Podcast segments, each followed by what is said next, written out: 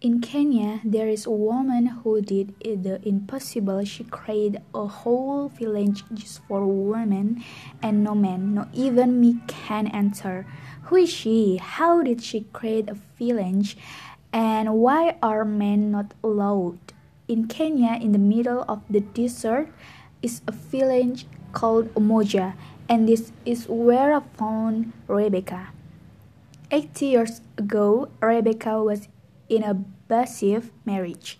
She was beaten and treated like a second class citizen. But when she looked around, she saw that she was not the only one. She was not alone. It's normal for women to be beaten and raped. It's normal for a girl to be married as kids and it's even normal for, for them to have their private parts cut and mutilated. In Samburu cultural, it is traditional for a girl to be circum when she is ready to be married.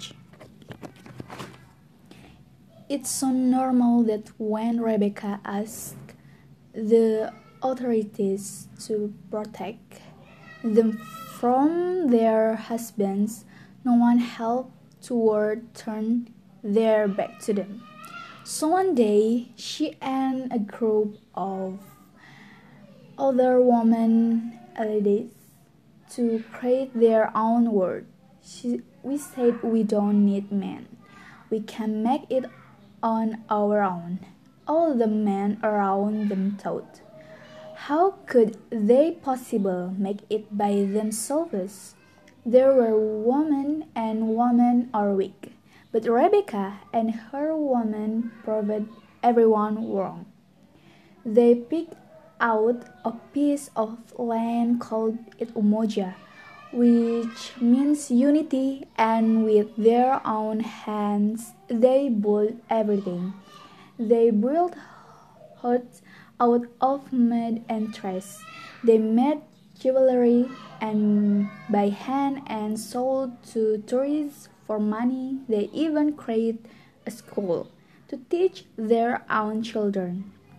We teach girls to believe in themselves as women even without men.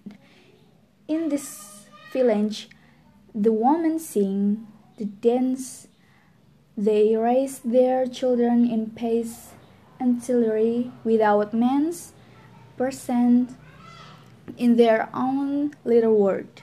No men are allowed to live here, not even their own boyfriend.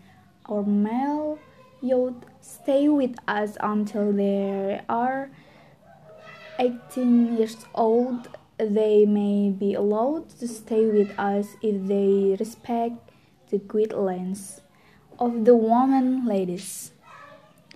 At first, some men were jealous, so they set up their own village nearby to block tourists from coming in. They even got into Umoja and attacked the woman. But Rebecca and everybody else held strong. They saved up money and eventually bought off the entry man's village. Now Umoja is a two woman now Umoja is two women strong and each and every one of them is a success story. This is what happens when women get chance. They success, they can build a society.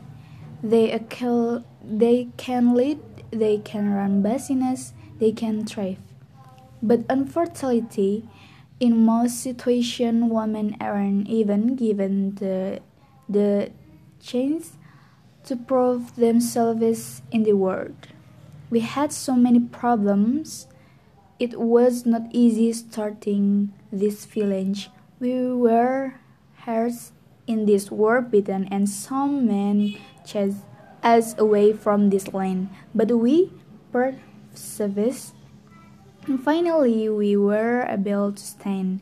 Our government need to make better police and protect and give more chance to women. And we as parents need to educate our sons to respect women so that one day not just this village but the whole planet will be a place where women exists.